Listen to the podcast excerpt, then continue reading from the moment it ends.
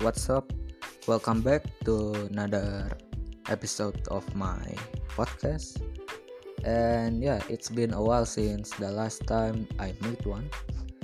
But hey, I'm back. And yeah, today is a special day because maybe uh, you already noticed that I speak English in this episode. Because today I want to review of movie that released in 2018. Yes, I know I'm late 3 years from the release of the movie, but however, let's just get into it. So, the movie that I want to review is Black Panther.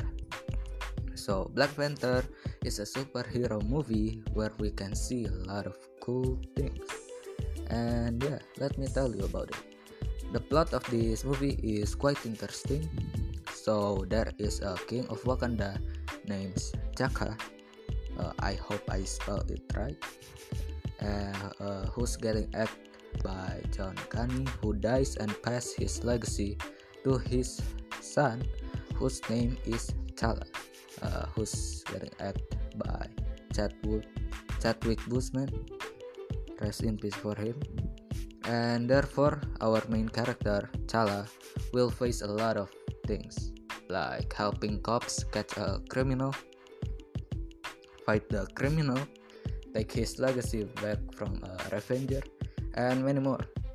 And I don't want to spoil too much because for me personally, if I get a spoiler from a movie that I haven't watched, I would be mad it annoys me. So yeah. For the plot of the movie i guess you need to watch it yourself. So yeah i'm gonna keep it safe man. Uh, but I'll, I'll continue the review. The things that i like from black panther is the outfit. It's cool. It's fancy. It's minimalistic. I like the mix of the black and purple or the other suit is with golden. And like what i said it fancy it minimalistic it cool it is cool. And the world of the movie is beautiful especially in wakanda. The world is futuristic yet traditional. Uh, you can see in wakanda with all the technology it has uh, but they still keep their culture like the traditional clothes uh, and another thing you know some tattoo in face something like that. And even the accent is on point. All the actor and actress really nailed it. And it is amazing. That's a one point plus for the movie. And the cgi look realistic it is amazing.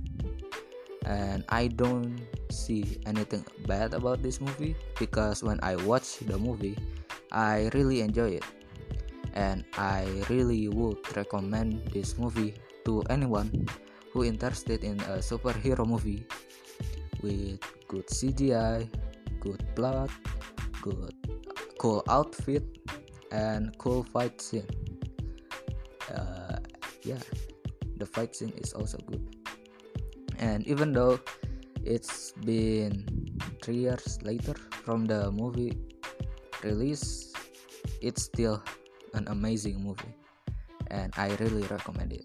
And that's all from today. Thank you for listening and bye bye